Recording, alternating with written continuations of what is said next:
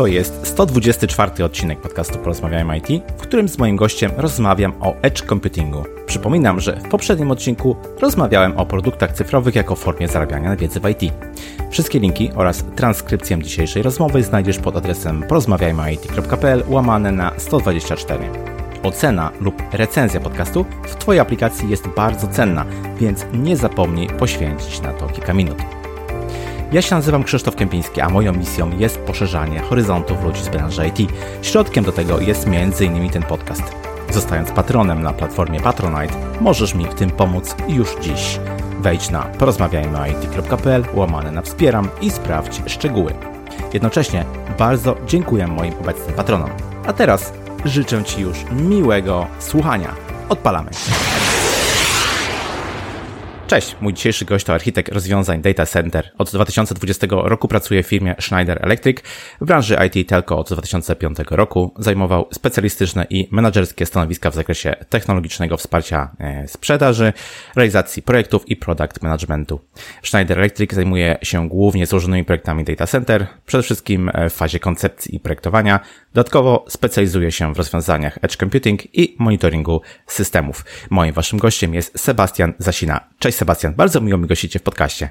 Dzień dobry, cześć. Również jest mi bardzo miło. Wiem, że specjalizujesz się w rozwiązaniach Edge Computing i dzisiaj z tego tematu chciałbym Cię przepytać. Chciałbym się dowiedzieć o takim e, trendzie, który mam wrażenie będzie coraz mocniej widoczny z racji na to, że coraz więcej danych w sieci wędruje, coraz więcej urządzeń jest do sieci e, podłączonych, no to będziemy przenosić e, te obliczenia bliżej miejsca powstawania tych danych, czyli właśnie Edge Computing w czystej postaci.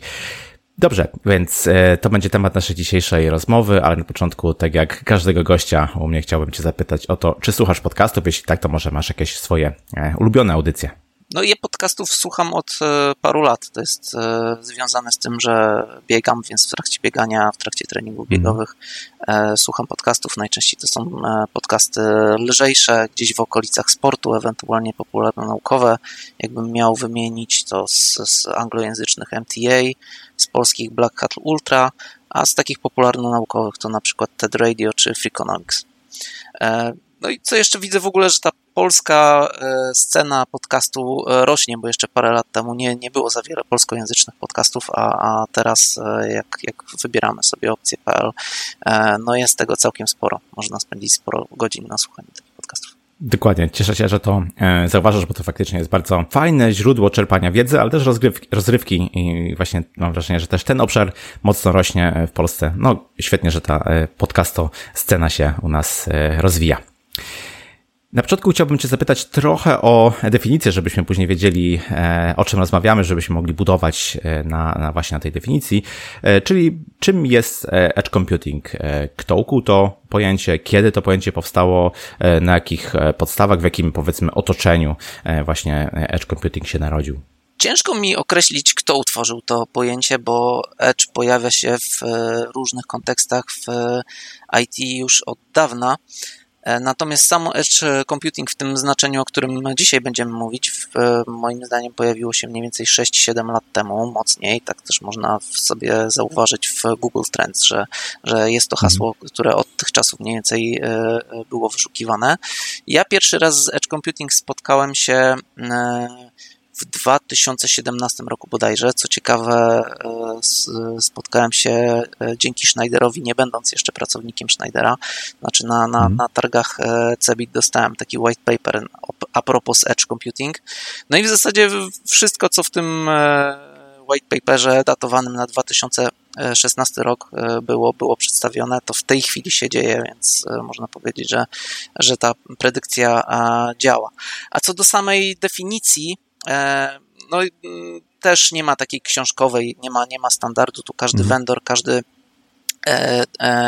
dostawca czy organizacja ma jakąś swoją definicję, natomiast one wszystkie sprowadzają się do, do, do, do jednego, to znaczy przeniesienia, mm, przetwarzania danych bliżej miejsca, w którym te dane powstają. Jasne, okej. Okay. Powiedziałeś tutaj o pewnym white paperze, z którego dowiedziałeś się o edge computingu i można powiedzieć, że to jest jakieś tam, jakaś koncepcja, czy jakieś podejście prawda? Natomiast bazuje oczywiście na e, ugruntowanych technologiach, ma jakieś swoje zagnieżdżenie e, w konkretnych rozwiązaniach, e, które umożliwiają właśnie tego typu podejście, czyli przetwarzanie tych danych bliżej miejsca e, powstawania. Dlatego teraz chcecie też zapytać, rozwój jakich technologii, czy też powstanie może jakich technologii, powszechnienie jakich technologii przyczyniło się do tego, że no dzisiaj możemy właśnie o edge computingu rozmawiać. Wydaje mi się, że to działa trochę z drugiej strony, to znaczy rozwój technologii to jedno, ale, ale dwa to pewne ograniczenia różnych technologii, które wymuszają de facto zastosowanie e, Edge, bo e, Edge odpowiada na pewne ograniczenia chmury przede wszystkim związane z fizyką, bo, w momencie, kiedy, tak jak w tej chwili mamy zorganizowane rozwiązania chmurowe, te duże data centers tworzące chmur, chmurę są zlokalizowane czy w Stanach Zjednoczonych, czy gdzieś dalej od Polski, na przykład w Irlandii. No jak wiadomo, fala elektromagnetyczna ma swoją, e, ma swoją skończoną prędkość i okazuje się, że w, e, przy takich zastosowaniach e, real-time'owych ten, ten czas przetwarzania danych ma znaczenie, więc w tym momencie, jeśli mamy aplikacje, które są wrażliwe na opóźnienia, musimy szukać możliwości przetworzenia tych danych bliżej, bliżej tego miejsca, gdzie one powstają, jak najbardziej lokalnie. Czyli można powiedzieć, że rozwój e, mm, technologii edge computing jest umożliwiony dzięki temu, że, że mamy e, wiele aplikacji, które wymagają niskich opóźnień i szerokiego pasma, które też łatwiej jest zapewnić nam na tej ostatniej mili mm, od węzła operatora lokalnego w Warszawie do naszego biura niż na całej ścieżce do, do data center zlokalizowanego gdzieś tam w Stanach Zjednoczonych. Mhm, rozumiem.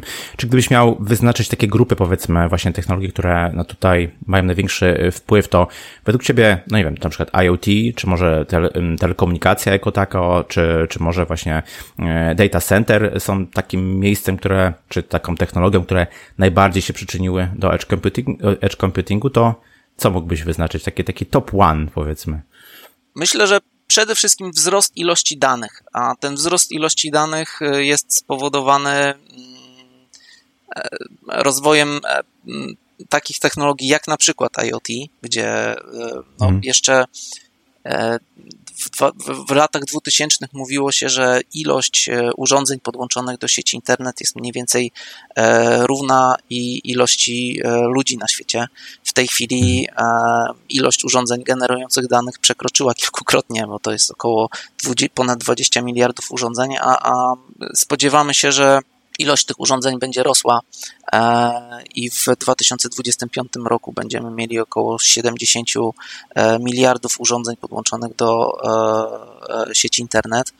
I ten mhm. wzrost ilości urządzeń, wzrost ilości danych jest przede wszystkim generowany przez IoT, bo, bo ilość urządzeń IT, ona, ten, ten wzrost jest w pewnym E, aspekcie ograniczony, natomiast e, przy IoT to jest tak naprawdę tylko i wyłącznie e, kwestia pomysłów na to, w jaki sposób oczujnikować, w jaki sposób wykorzystać dane, które, które, które możemy sobie generować.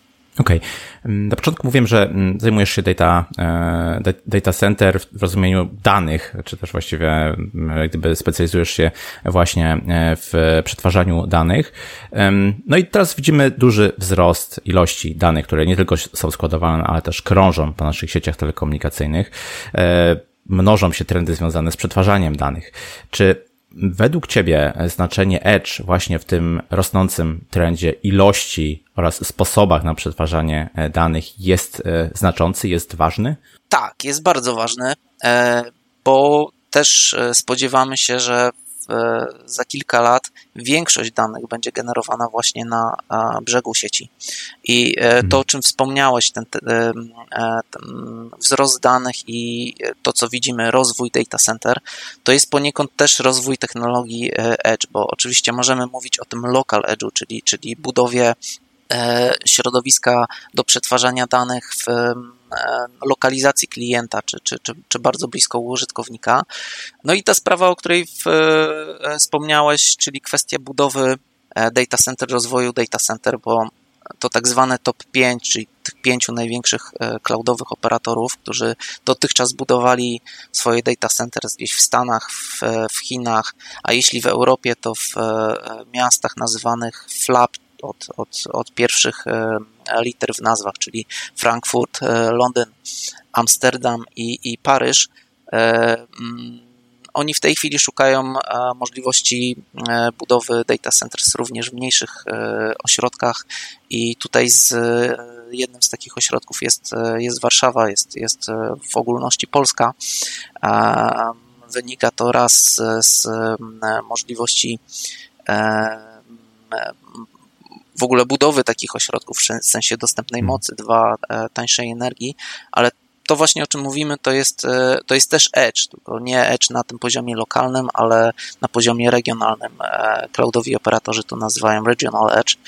E, I, I to też jest część tego trendu, który widzimy, tego przejścia z, z centralnego przetwarzania do przetwarzania bliżej użytkownika.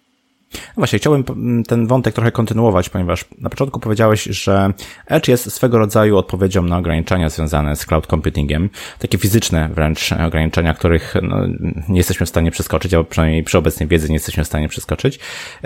W związku z tym, gdybyś mógł tak podsumować, jakie są różnice właśnie pomiędzy Edge a cloud computingiem i czy w Twojej opinii Edge jest alternatywą, rozszerzeniem, czy może zupełnie inną jakością w stosunku do cloud computingu? Ja bym powiedział, że to jest zdecydowanie uzupełnienie. E, I to zresztą e, widać w podejściu vendorów, operatorów, e, prowajderów usług typu cloud. Wielu vendorów wprowadza certyfikacje dla inżynierów właśnie takie związane z powiązaniem Edge i, i, i cloud, czy na przykład Amazon ma swoją linię urządzeń, linię serwerów Snow, która jest dedykowana do Edge'a, czy jest de facto rozszerzeniem e, clouda właśnie w stronę takich ośrodków, gdzie e, e, musimy, musimy dane przetwarzać szybciej. Także zdecydowanie Edge to jest poszerzenie ilości zastosowań cloud computingu, no bo tu trzeba wziąć pod uwagę, że będziemy się już w tej chwili jakby zderzamy się z rozwojem usług, które wymagają dużej ilości danych e, i to danych nie tylko, nie tylko takich dumpów gdzieś tam na dysk, ale, ale przetwarzania tych danych w czasie rzeczywistym, czyli sztuczna inteligencja czy, czy machine learning. E, I to są te miejsca, które pozwolą e, świadczyć usługi wysokiej jakości w oparciu częściowo o chmurę, a częściowo takie dedykowane, postawione u użytkownika serwery. A czy pod względem technologicznym e, te dwa podejścia, czy właśnie Edge i Cloud Computing, e, czymś się różnią? Czy to jest tylko takie przybliżenie tej chmury bliżej miejsca powstawania danych, czy też zupełnie inne technologie, zupełnie inna architektura e, tego sprzętu? Jak to wygląda? Znaczy, ja mogę odpowiedzieć na temat swojego poletka, tak? bo tu w Schneiderze zajmujemy się przede wszystkim infrastrukturą czysto fizyczną, no i tutaj e, widać dość duże rozgraniczenia, bo o ile mówimy o data center, czy mówimy o serwerowni, to mówimy o, o obiekcie centralnie planowanym, e, z odpowiednio zaprojektowanym, najczęściej agregat prądotwórczy, dwa przyłącza, klimatyzacja precyzyjna. Natomiast w e, przypadku e, e, takich punktów edge lokalnych, to może być data center sprowadzające się de facto do jednej szafy rack, czy jednej specjalizowanej szafy, więc tu najczęściej te wymogi są zupełnie, zupełnie inne. Może chwilę porozmawiajmy o tym, jak wygląda wdrożenie, instalacja, później utrzymanie takiego rozwiązania. Tutaj powiedziałeś, że nawet gabarytowo mogą, mogą się te rozwiązania edge computingowe różnić, prawda? W zależności pewnie od, od, potrzeby, tak się e, domyślam. Jak, jak, to, jak to fizycznie wygląda? Powiedzmy, jeśli, dajmy na to, e, firma zamawia tego typu e, usługę, ma zapotrzebowanie w ogóle na, na edge computing, jak ten proces się zaczyna i później jak wygląda też utrzymanie, jak wyglądają odpowiedzialności za poszczególne etapy w przypadku wdrożenia edge computingu, powiedzmy w takim środowisku rozproszonym, czyli, czyli mówimy o, o punktach edge w wielu lokalizacjach, no mamy trochę inne uwarunkowania, no bo mamy to środowisko rozproszone, e, to nie jest serwerownia, do której menadżer IT, informatyk może zajść w każdym dowolnym momencie, tylko mówimy często o punktach, które mm, są lokalizacyjnie odległe, więc często już na, na etapie samej instalacji musimy przewidzieć to w zupełnie inny sposób logistycznie. Musimy zapewnić też dostęp zdalny do E, do urządzeń. Więc tutaj mm, klienci przede wszystkim, tak jak patrzymy na, na, na wdrożenia e, na zachodzie, e, starają się iść w stronę rozwiązań pre, prekonfigurowanych i to i w zakresie tej działki IT, jak i w zakresie infrastruktury fizycznej. My staramy się w Schneiderze na to odpowiadać, czyli klienci mają możliwość e, zamówienia prekonfigurowanych e, zestawów, w sensie dostają data center takie all-in-one, zaklęte w jedną szafę, gdzie e, nie muszą na miejscu tego łączyć. Do, przychodzi do nich zestaw, który jest spięty i skonfigurowany. Co mhm. jeszcze jest istotne, jeśli chodzi o, o takie rozwiązania rozproszone, E, to jest zapewnienie monitoringu. No bo tak jak e, w, w biznesie się mówi, że jeśli czegoś nie, nie monitorujemy, to tym nie zarządzamy. Tak samo jest w, przy infrastrukturze IT. E, I tu też należy wziąć pod uwagę, że, że, że raz musimy monitorować stan serwerów, ale druga sprawa to jest monitoring e, całej infrastruktury fizycznej, e, czyli warunków środowiskowych, która ta infrastruktura działa, kwestii związanych z bezpieczeństwem tej infrastruktury, bo to nie jest e, serwerownia, gdzie, gdzie możemy ten dostęp bardzo łatwo ograniczyć, więc zdecydowanie podejście musi być e, e, trochę inne. Powiedziałbym, jakbym miał je podsumować w jednym z, z słowie, to standaryzacja albo prekonfiguracja. Okej, okay. weźmy taki właśnie scenariusz, że jest powiedzmy taki vendor, jak na przykład Schneider, który dostarcza tego typu rozwiązanie, prawda? To w jaki sposób fizycznie dociera na miejsce i teraz kto zajmuje się wdrożeniem, w sensie instalacją jak gdyby takie rozwiązania. To jest wewnętrzny dział IT e, takiej firmy, gdyby od, od tego momentu zaczyna się już praca e, tego działu, czy, czy, czy jak gdyby jest to odpowiedzialność jeszcze e, dostawcy? To w, wygląda różnie, chyba w zależności od, od tego, jak działa organizacja, dla której e, takie rozwiązanie jest wdrażane.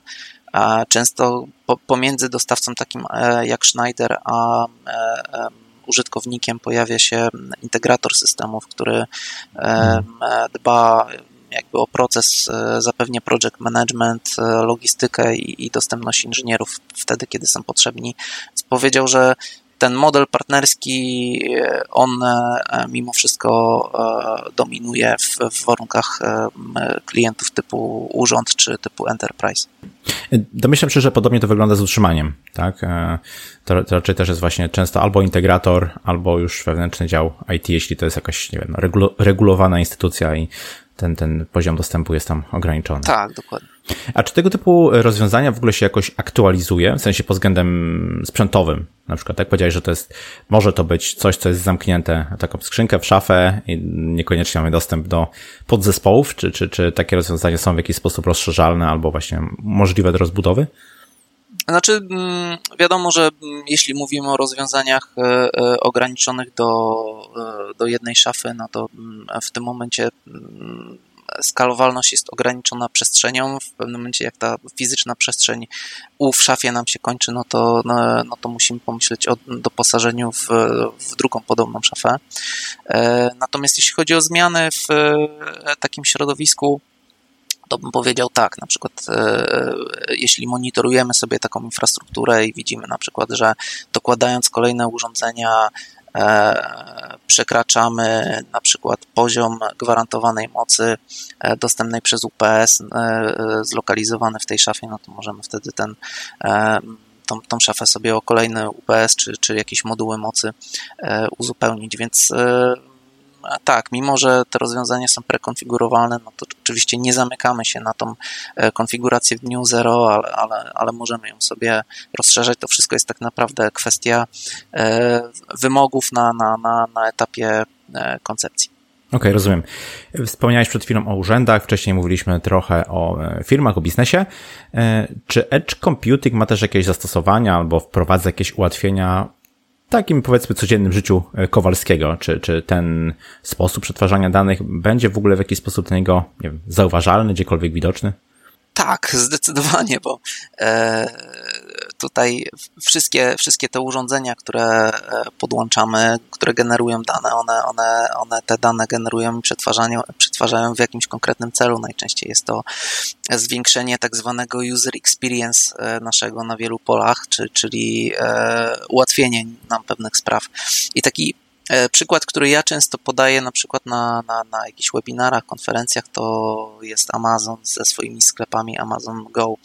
Amazon wymyślił e, koncepcję sklepu bezobsługowego na takiej zasadzie, że wchodzimy do sklepu, odklikujemy się aplikacją, e, nie ma tam kasjera, po prostu zabieramy co potrzebujemy z spółek, nie pakujemy do koszyka, tylko od razu sobie możemy zapakować do toreb, wychodzimy e, i cała ta sztuczna inteligencja, która jest e, zlokalizowana w tym sklepie, czyli te wszystkie tagi, RFID, kamery i tak dalej, są w stanie przeanalizować, co wzięliśmy, e, podliczyć i, i, i skasować nas bez, bez fizycznego kasowania. W tym momencie każdy, kto stał w kolejce przed świętami, wie, ile, ile hmm. wtedy zyskujemy. No ale takich przykładów jest e, więcej, takie e, e, bliższe nam to na przykład Smart City, tak, czyli mhm. przykład związany z optymalizacją ruchu aut w, w mieście dzięki analityce i, i predykcji dokonanej na brzegu sieci. Takie rzeczy, z których też korzystam już w tej chwili, to e, są wszystkie mm, serwisy streamingowe, gamingowe, gdzie też ten proces, nie wiem jak go nazwać, cache'owania czy, czy proksowania odbywa się e, nie gdzieś tam w chmurze, tylko e, na wyniesionych serwerach, na wyniesionych ośrodkach przetwarzania danych. Bliżej właśnie tego, tego miejsca, z którego korzystamy, jak każdy wie w gamingu, te milisekundy są dość, hmm. dość istotne. No, a myślę, że taką e, prawdziwą rewolucją e, to będzie e, pojawienie się tak zwanych connected cars, czyli czy aut elektrycznych, czy aut autonomicznych. I tu w tym momencie ten cały ekosystem związany z pojazdami, prowajderami ładowarek, czyli jedziemy w jakąś podróż, widzimy, że mamy ograniczony zasięg i prowajder ładowarek nam będzie podpowiadał, to może nie, nie zjeżdżaj tu na najbliższym zjeździe, bo tu wszystkie ładowarki są zajęte, ale 5 km dalej jest wolna, zaoszczędzisz czas, tak? Więc to też będzie e, coś, co dzięki Edge'owi będzie ułatwiało nam, e, ułatwiało nam życie. Czyli wygoda, wygoda i czas. No tak, to, to, to ma sens. A co, co jest takim, co może być takim driverem, powiedzmy, dla biznesu, dla, dla firm, żeby wchodzić w taki, w taką dziedzinę jak właśnie edge, edge computing? Co mogą zyskać? Czy to są jakieś przewagi, y, przewagi konkurencyjne? Czy to są jakieś oszczędności? E, co tutaj wpływa na to, że firmy chcą się mm, w ten, w ten etap, w ten rozwój w kierunku edge computingu e, zapisywać? Znaczy, ja uważam, że dla biznesu każda zmiana technologiczna, w, tej, w tym momencie stoimy w obliczu takiej zmiany technologicznej, każda taka zmiana to jest e, swego rodzaju szansa. No i tak jak sobie popatrzymy parę lat wstecz, na przykład firmy handlowe, które się nie obrażały na e-commerce, tylko z e-commerce sobie zrobiły taką drugą e, nogę, jeśli chodzi o przychody. E, często się okazało, że po paru latach stało się to ich głównym źródłem przychodów, a ich e, konkurencja sprzed lat, która w e-commerce nie weszła, padła, tak? Więc e, mhm. to jest tak, że firmy, które adoptują pewną technologię jako tak zwani early adopters, mają szansę wyprzedzić konkurencję, właśnie wprowadzając na przykład edge computing w swoich branżach.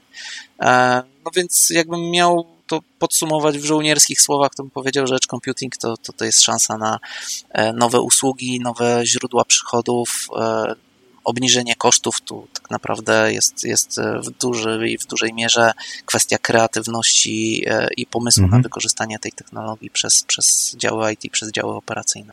Rozumiem. Okej. Okay. Mówiłeś o tym, że edge computing to jest technologia czy podejście takie no, całkiem świeże, całkiem, całkiem nowe.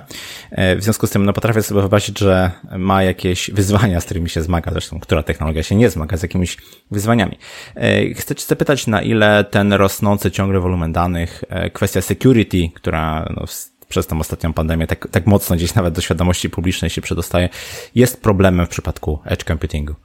To tak, wolumen wydaje mi się, że niekoniecznie, bo to, to jest ten powód, dla którego e, wdrażamy edge computing. A więc wydaje mi się, że e, tutaj jesteśmy w stanie wyskalować potrzeby i, i, i wielkość tego węzła, czy tych węzłów Edge w taki sposób, żeby, żeby obsłużyć e, wymagany wolumen. Ale na pewno kwestie związane z, z bezpieczeństwem, z cyberbezpieczeństwem e, jakimś wyzwaniem są. E, nie wiem, czy mm, można powiedzieć, że to, to jest wyzwanie dla Edge'a, może bardziej dla IoT, w sensie tego, żeby mhm. te wszystkie connected devices były w odpowiedni sposób aktualizowane, jeśli chodzi o jakieś łatki związane z bezpieczeństwem. No przy Edge'u to, co się pojawia jako dodatkowy czynnik ryzyka, to jest e, czynnik związany z fizycznym e, dostępem do urządzeń, do, do tych węzłów, bo e, przy scentralizowanej e, serwerowni, czy, czy, czy kolokacji, czy e, serwerowni umieszczonej gdzieś tam w chmurze, wiadomo, że ten e, fizyczny dostęp jest bardzo dobrze pilnowany. W przypadku węzłów Edge, które mogą się znajdować na przykład gdzieś na hali magazynowej, gdzieś w jakimś korytarzu z, z dostępem fizycznym osób postronnych, no tutaj e, na pewno trzeba e, na ten aspekt bardzo zwrócić e, uwagę. I, i mm, ta kwestia związana z monitorowaniem infrastruktury, o którym już wspominałem, no ona jest dla Edge'a bardzo, bardzo istotna. Także sprawa związana z monitoringiem pod kątem ewentualnych problemów z tym infrastrukturą, czyli jej dostępnością. To, to też jest element e, dość istotny. E, pamiętajmy, że jeśli chodzi o dostępność, w przypadku serwerowni mamy te przyłącza, mamy agregaty, a dla punktów Edge, no z tym zasilaniem e, może być różnie, to czasem może być fizyczny kabel z gniazdka właśnie plus UPS w tej szafie, więc, więc tutaj mamy zdecydowanie mniejszy wachlarz, jeśli chodzi o zapewnienie niezawodności niż w przypadku niż w przypadku serwerowni, więc sobie musimy też pewne rzeczy e, zapewniać, jeśli chodzi o mm, niezawodność na tych warstwach wyższych. Mówiłeś o tym, że przewaga konkurencyjna to może być taki dobry argument za tym, żeby faktycznie e, edge computing u siebie zastosować w firmie.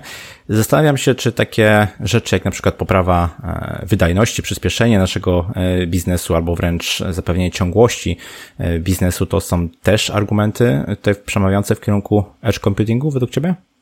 No tak, zdecydowanie mm, to, co sobie nazywamy jako user experience. Użytkownik aplikacji użytkownik e, jakiegokolwiek systemu, on nie lubi czekać, nie lubi jak coś nie działa, więc e, w tym momencie dzięki Edge'owi zapewniając e, wyższe pasmo, niższe opóźnienia, wyższą dostępność, powodujemy, że, że ten user experience rośnie. Należy też pamiętać, że implementacja edge computingu to jest, to jest implementacja mechanizmów, które umożliwiają e, przetwarzanie danych również na przykład w przypadku naszej e, awarii łącza do, do internetu, awarii przyłącza do chmury i, i w, w tym momencie cały czas utrzymujemy pełną lub ograniczoną, ale jednak dostępność naszego systemu. Firmy, w której pracujesz w Schneider, tworzycie właśnie tego typu rozwiązania, między innymi na rynek polski, ale jak e, w Twojej opinii, w Twojej e, ocenie i też na bazie e, wiedzy, którą posiadasz, wygląda powszechnienie się, czy też popularność w ogóle tego typu usług w Polsce? Czy firmy chętnie po to sięgają? Czy w ogóle są świadome, że są takie rozwiązania? To tak, na poziomie makro i na poziomie takim międzynarodowym to już widać dość mocno. U nas w Polsce, no wiadomo, są operatorzy chmury, którzy przychodzą z tymi dużymi ośrodkami do nas. E, powstaje e, polska chmura, która też będzie świadczyć e, usługi częściowo w oparciu o, o, o budowę lokalnego edge'a, a na poziomie mikro to jest, jak, jak miał wyróżnić jakąś branżę, która, która w tym momencie adoptuje rozwiązanie edge computing, to wydaje mi się, że przede wszystkim przemysł. Tutaj mhm. świadomość tego pojęcia Industry 4.0 i, i korzyści płynących z automatyzacji, ona jest bardzo wysoka w przemyśle. Przemysł bardzo dobrze liczy pieniądze, potrafi sobie policzyć, że wdrożenie jakiegoś rozwiązania w dłuższym czasie przyniesie oszczędności albo jakieś dodatkowe profity, więc zdecydowanie przemysł, bym powiedział, tutaj jest takim liderem, jeśli chodzi o wdrażanie edge computing. Na zachodzie to wygląda trochę inaczej, bo e, ja mam wrażenie, że u nas, jeśli chodzi na przykład o, o służbę zdrowia czy o retail, które e, na zachodzie e, w edge computing wdrażają, u nas to się odbywa trochę wolniej. Nie wiem do końca z czego to wynika. Przy służbie zdrowia pewnie trochę z niedofinansowania branży no ale zakładam, że to, co się dzieje na zachodzie, e, to będzie się działo za 3-5 lat w e, Polsce, więc to też jest ten, ten, to, to miejsce, gdzie spodziewałbym się dużego wzrostu zapotrzebowania na, na edge computing. No właśnie, to może e, przez tą perspektywę spójrzmy na to, co w ogóle rynek oferuje, jeśli chodzi o edge computing. Na przykład Schneider Electric, tak? Firma, w której pracujesz. Co, co, co oferujecie w zakresie edge computingu? W Schneiderze skupiamy się na e, infrastrukturze e, fizycznej, czyli budujemy tą całą otoczkę, e, do której się wkłada mm, serwery, switche i tak dalej. Czyli mm, na, na, na bazie produktów Schneidera możemy w zasadzie w, w 100% zbudować serwerownię od, szaf IT, dystrybucji zasilania, chłodzenia, szafrak, okablowanie, systemy bezpieczeństwa, e, w, więc w zakresie serwerowni można powiedzieć ofer, mm, oferujemy rozwiązania pod klucz. Tak samo w rozwiązaniach edge'owych możemy, de, de facto mała serwerownia też może być takim e, punktem e, edge, ale mm, zaczynając od tej skali mikro, no, mówimy u nas o mini centrach danych, czyli centrach danych, które są zlokalizowane w jednej szafie rack albo w jednym e, module kontenerowym, w którym jest kilka, kilkanaście, nawet kilkadziesiąt e, e, szafrak. Tu możliwości jest dość sporo. I to, co jest ciekawe w naszej ofercie i myślę też atrakcyjne w przypadku konkretnego case'a wdrożeniowego, że nasze mini centra danych są przystosowane do warunków, w których te dane będą przetwarzane, no bo wiadomo, że dla IT mhm. są nieco inne wymogi niż na przykład dla warunków biurowych. W warunkach biurowych ta, to nasze mikrocentrum danych wygląda zupełnie inaczej. Ono przypomina e, szafę biurową, ma dodatkowe elementy związane z wyciszeniem, żeby w tej przestrzeni biurowej nie przeszkadzała użytkownikom, a zupełnie inne wymagania będą dla przemysłu, gdzie możemy się spotkać z dużo większymi wahaniami temperatury, wilgotności, gdzie możemy się spotkać z pyłem. E, no i na każdy z tych środowisk mamy swoje rozwiązanie, e, które może być prefabrykowane, przygotowane specjalnie pod, e, pod wymogi klienta. No i ja tak mówię mini centrach jako szafach, ale oczywiście e, szafy to jest jedna, druga sprawa to jest e, też e, bezpieczne chłodzenie tych, tych elementów, czy odprowadzenie ciepła przy, przy jakichś mniejszych zyskach ciepła, no i, i bezprzerwowe zasilanie, przede wszystkim UPS-y, baterie, to są też takie mini centra danych, to są świetne miejsca na zastosowanie baterii litowo-jonowych, czyli tych, które znamy z telefonów komórkowych. One do niedawna w, data centers y, pojawiały się rzadko albo w ogóle nie pojawiały, ale ze względu na pewne właściwości, takie jak e, szerszy zakres temperatur, w których mogą pracować, to, że mniej ważą, mniej zajmują miejsca, one się wspaniale skalują, bardzo, bardzo dobrze pasują do mini centrów danych i, i, i baterie litowo-jonowe tutaj szczególnie polecamy. No i jeśli chodzi o naszą ofertę, to ta e, mm, to ten kolejny element, który jest, można powiedzieć, moim konikiem, czyli e, monitoring systemu. Możemy monitorować stan całego takiego mini centrum danych, możemy też e, ściągać informacje z serwerów. E, nasz system monitoringu ma, ma, ma zaimplementowaną obsługę protokołu SNMP, protokołu Redfish, ale to jest też monitoring środowiskowy, czyli temperatury, zalania, wilgotności, dymu, czy, czy bezpieczeństwa fizycznego. Możemy tutaj zastosować kontrolę dostępu kamery wraz z nagrywaniem, więc to, to portfolio w naszym zakresie jest bardzo szerokie i, i de facto tak w skrócie możemy powiedzieć, że E, Schneider może zaoferować e, całą tą otoczkę fizyczną, blacha i okolice, e, a to, co zostaje dla, dla integratora czy dla klienta, to jest już tylko wpinanie serwerów w przygotowane odpowiednie środowisko. Mówiłeś tutaj wcześniej o tych, powiedziałbym, klasycznych data center. E, no i w tym obszarze istnieje wiele różnych e, wiem, norm, standardów, e, regulacji, które taka serwerownia musi spełniać. Czy w obszarze edge computingu, nie wiem, pojawia się coś podobnego, czy jakieś normy właśnie powstają, czy też te, te, te rozwiązania, te urządzenia, które tworzycie jako Schneider Electric spełniają tego typu normy? Tu ja bym się mm, ja się mogę wypowiedzieć za tą moją działkę, to znaczy związaną z infrastrukturą e, e, techniczną. Specjalnie standardów dla edge computingu nie ma. Te standardy są kreowane przez e, dostawców takich jak my, no ale też przez użytkowników, klientów.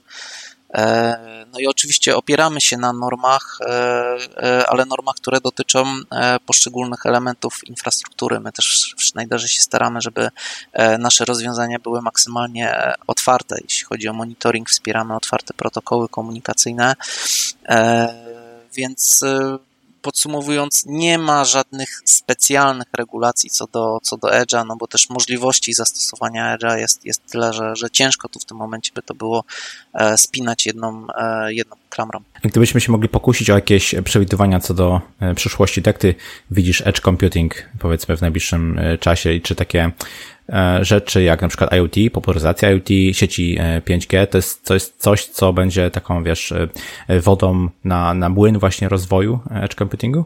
Tak, IoT z pewnością, no bo IoT robi nam ruch w sieci. 5G jest, jest odpowiedzią na ten zwiększony ruch i, i tak naprawdę rozwój 5G to jest rozwój również węzłów Edge, zresztą wokół 5G możemy tworzyć tak zwany deep edge, czyli, czyli mm, rozwiązania edge e, z bardzo niskimi opóźnieniami.